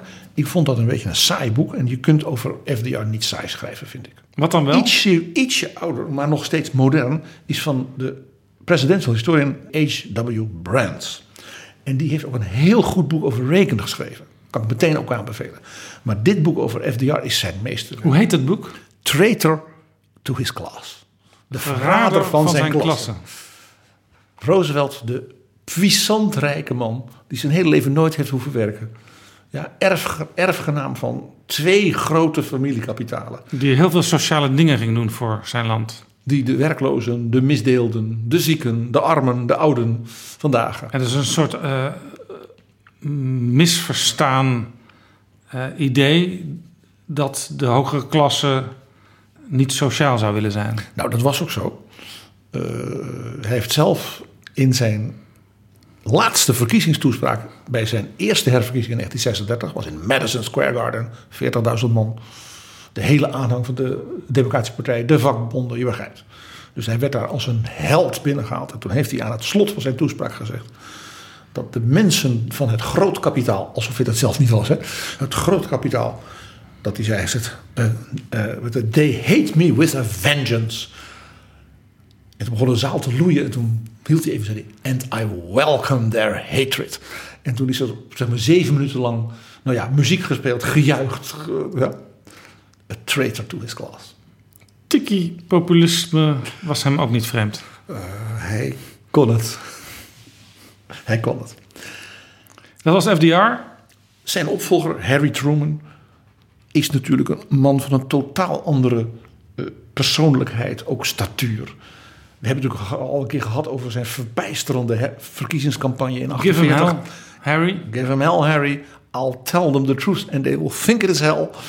Over hem heeft diezelfde David McCullough van John Adams ook een schitterend boek geschreven. En dat is niet zo raar, want Adams en Truman lijken wel een beetje op elkaar. Een beetje vergeten, een beetje, beetje, beetje ruzie, maar ook vaak met mensen. Niet makkelijk in de omgang. Niet zo smooth hè, als FDR. En dus dat, dat, dat past dus blijkbaar bij deze schrijver. Interessant dat je op zo'n manier je onderwerp kiest. Dat je vindt dus de persoonlijkheid waarvan je denkt... die boeit mij, daar kan ik iets mee. Er is er één, denk ik, waarvan jij uh, zeker ook nog iets positiefs wil zeggen. Dat is Lyndon Baines Johnson, LBJ. Ja, dat Want daar hebben we natuurlijk al heel vaak uh, over gehad. En die naam is al heel vaak gevallen. Uh, Robert Caro. Robert Caro, de schrijver van The Years of Lyndon Johnson. Vier delen. Hij is nu 84. Hij is deel, bezig aan deel 5. Boeken die ook op het bureau van de minister-president van Nederland staan, Mark Rutte. Mark Rutte is zelfs met Robert Caro in New York op bezoek geweest naar de plekken waar het andere beroemde boek van Caro, The Power Broker, uh, zich afspeelde. Nou, dan ben je een fan. Dan ben je een groupie. Mag ik met u naar die plek waar hij toen die brug heeft laten bouwen? Dus wij zijn in een vrolijke afwachting van deel 5. Ja, want zowel Robert Caro als zijn vrouw Aida, die alles voor hem doet qua research en uh, in archieven en zo, dus echt een duo, uh, die zijn dus bezig. Ze zijn ook in Vietnam geweest om met, met mensen die dus in die Vietnamoorlog een rol speelden te praten. En hij is dus blijkbaar nog gezond. Hij heeft onlangs een boek gepubliceerd tussendoor even over hoe je boeken schrijft. Ach ja. En uh, nou ja, dat boek dat hopen we dat dat komt. Dat gaat over de laatste jaren van Johnson, namelijk zijn periode als president, 64 tot 68. En de, nou ja, maar een paar jaar dat hij daarna nog geleefd heeft. Hij is natuurlijk heel snel. Heel 1972 overleden. Ja. En ik ga dan maar gewoon zeggen, ik vind dat als deel 5 uit is, Robert Caro met zijn vrouw de Nobelprijs voor de letterkunde moeten krijgen. Oslo, hoort u dit? De Nobelprijs moet naar Robert Caro. De laatste keer dat een zeg maar, non-fictie-auteur, historicus dat kreeg, was Winston Churchill in 1954. Dat waren presidenten in de moderne tijd. We gaan ook nog even naar de nieuwste tijd. We hadden natuurlijk een auteur te gast in Betrouwbare Bronnen. Die schrijft al twee boeken gepubliceerd over Donald Trump. Dat is Michael Wolff. En ja, ik vond het genieten, die boeken. En ja, sappig, want zo schrijft hij. Hij is dat type journalist. Ja, er werd wel af en toe gezegd van ja, is het wel een echte journalist? Want hij komt uit een beetje uit de Hollywood uh, gossip hoek. Hij is helemaal geen uh, Washington politieke journalist, zoals we die eh, dagelijks eh, op CNN en op andere televisiestations en radiostations aantreffen. Hij is geen Woodward, hij is geen Peter Baker. Eh, maar misschien moet wel bij een man als Trump je ook iemand uit de entertainmenthoek, zal ik maar zeggen, hebben. Dat, dat je hem Om een beter begrijpt. in te kunnen voelen in wat eh, makes him tick. En misschien ook wel om ja, mensen uit zijn oude wereld, zeg maar de you're fired wereld, eh, eh, om daar toegang tot te hebben. En ja, ik ga het maar gewoon zeggen. Wij hebben dat gesprek gehad met hem. De twee boeken. Er werd een beetje op neergekeken, laat ik het zo zeggen. Maar alles tot nu toe, moet ik zeggen, klopt. Het enige, dat was een inschatting van hem en overigens ook van mij, dat Trump uit angst voordat hij zou verliezen, hij kan niet verliezen, op het laatste moment zou zeggen: Ik ben geen kandidaat. Nou, dat is nog niet gebeurd, zullen we maar zeggen. Nee, dat zou nog kunnen gebeuren. En hij denkt dat eh, Trump niet kan lezen. Nou heb ik laatst een interview met Trump gezien en daar vroeg hij even een blaadje wat de interviewer had. En toen las hij toch een aantal dingen voor. Dus dat viel mee. Ja, dat viel mee. Maar bijvoorbeeld dat hij als eerste noteerde dat Trump bang is voor Karen Pence. Ja, dat is dan toch misschien Mother. ook weer mother. Dat, dat is misschien ook wel toch weer zijn, zeg maar, zijn sensitiviteit uit eh, de, de, de, Hollywoodwereld en zo. Dus met andere woorden, heb je nog niet Michael Wolff gelezen? Of heb je die aflevering van Betrouwbare Bronnen niet gehoord? Ga dat verzuim alsnog inhalen. En dan Jaap. De nachtmerrie voor elke presidential historian natuurlijk. Eén van hen zal ooit de grote Trump-biografie moeten schrijven. Na zijn eerste termijn, na zijn tweede termijn. Ja, er is natuurlijk lastig om een biograaf te vinden die al een soort gelijk politicus heeft gedefinieerd. Is er niet. Is er gewoon niet. Dus ja, ik denk dat je als historicus dan moet zeggen: ik ga die man plaatsen in zijn milieu. Dus de New Yorkse vastgoedwereld, daar ga ik me in verdiepen. Eh, De reality TV-wereld, de wetten die daarin gelden. Waarom gaat het zo zoals het gaat? En van daaruit, en ja, ook misschien wel de, de, de, de, Tea Party, dus de radicalisering van de Republikeinse Partij. En dat je dus van daaruit de, ja, het functioneren van Trump, en nog, misschien ook de persoon, als historicus kunt gaan raken. Ja, het zal een hell of a job worden. Ja, ik, wil zeggen, ik, ik doe het liever niet. Nee, Trump staat ook onbekend, dat vertelde Michael Wolff ons ook, dat hij allerlei documentjes doorscheurt en weggooit. Waar dan weer ambtenaren voor zijn aangetrokken om die dingen weer aan elkaar te plakken. Want dat moet van de nationale Maar het is dus archiefwet. de vraag of er wel genoeg archiefmateriaal is. Nou, er zijn altijd tweets. Ik heb, ga twee namen noemen. en Het is natuurlijk eigenlijk verschrikkelijk dat ik dat doe. Waarvan ik toch zeg, maar die zou het kunnen. De eerste is Sean Whelans. Die heeft al een ontzettend goed boek geschreven over de periode van Nixon en de periode van Reagan. Dus hoe Amerika als het ware van de grote coalitie van Roosevelt naar de triomf van die grote coalitie onder LBJ ineens, ja, 68 en 80 naar rechts ging. En eh, die boeken zijn erg goed. Sean Willets is een meer linkse historicus. Dus kijkt, dat zegt ook kritisch daarnaar. Maar heeft dus een enorme empathie in hoe Amerika is gaan denken. Dus hij zou het kunnen. Eh, en anders Michael Beslos, dat is echt een klassieke eh, presidential historian. Ja, bekende naam.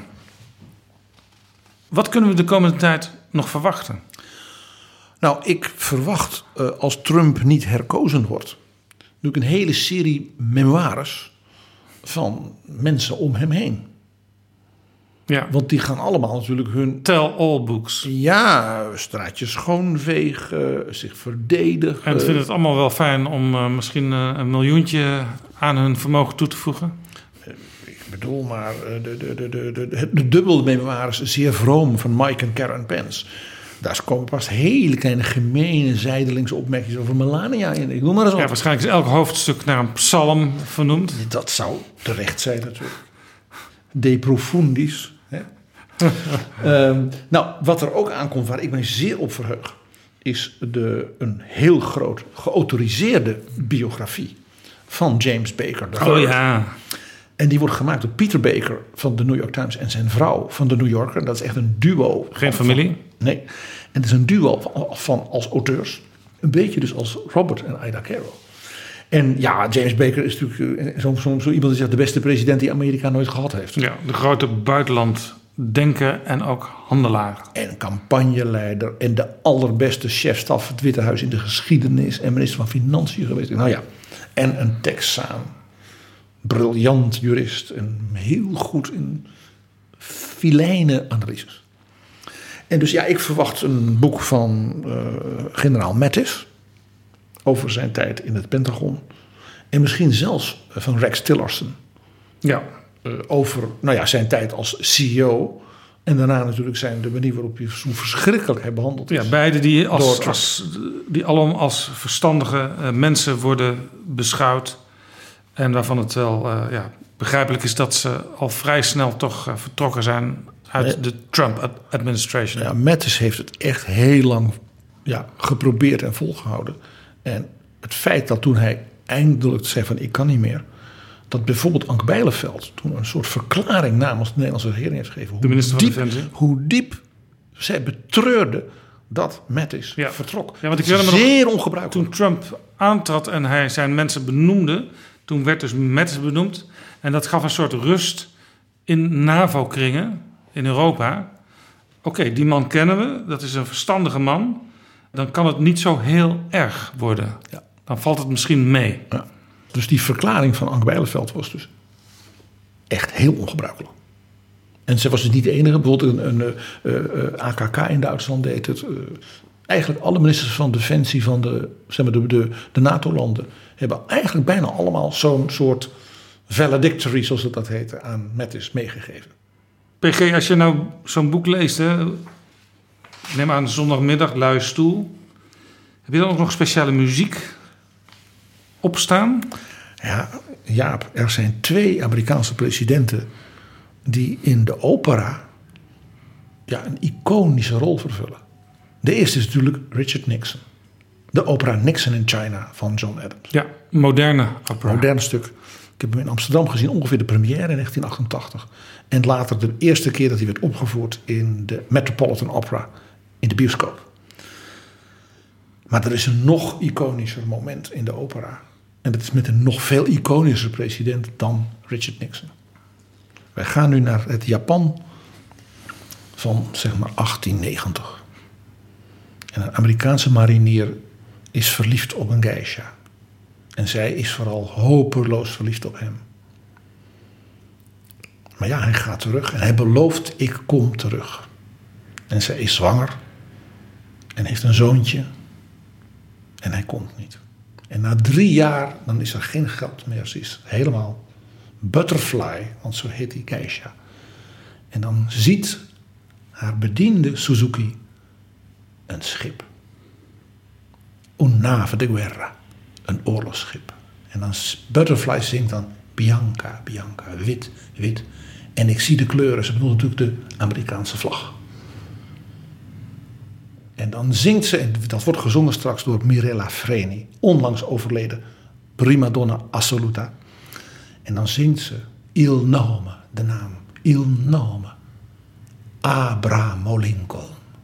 Abraham Lincoln. Want dat was het, zo heette het schip van haar geliefde marinier. Je hebt het over Madama Butterfly. Van Giacomo Puccini. En Jaap, je laat het even doorlopen nadat ze die naam zingt. Want dan zingt ze, zingt ze eerst van hoe haar familie er verstoten heeft en al haar verdriet. En dan zingt ze Triumfo mi amor. Mijn liefde triomfeert. En dat zingt ze op de muziek van het Amerikaanse volkslied.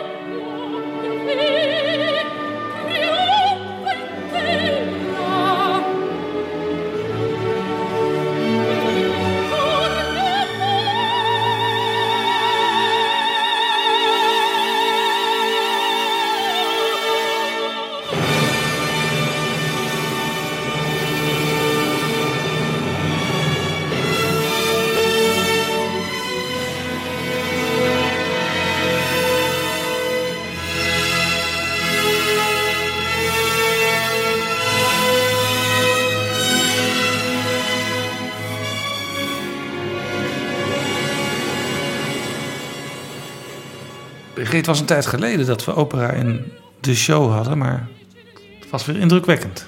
Ja, en uh, dit is ook mijn saluut aan deze prachtige sopraan. Die bovendien als een buitengewoon bescheiden en warm mens bekend stond. Mirella Freni. En ze werd hier gedirigeerd door Herbert van Karajan, de grote Duitse dirigent, met het orkest van de Wiener Philharmoniker. Er is niet beter natuurlijk. Alle boeken die besproken zijn, die staan in het lijstje wat wij in de beschrijving van deze aflevering bijgevoegd hebben. Kijk daarvoor even bijvoorbeeld op de site vriendvandeshow.nl slash bb. Dankjewel, PG. Graag gedaan, Jaap.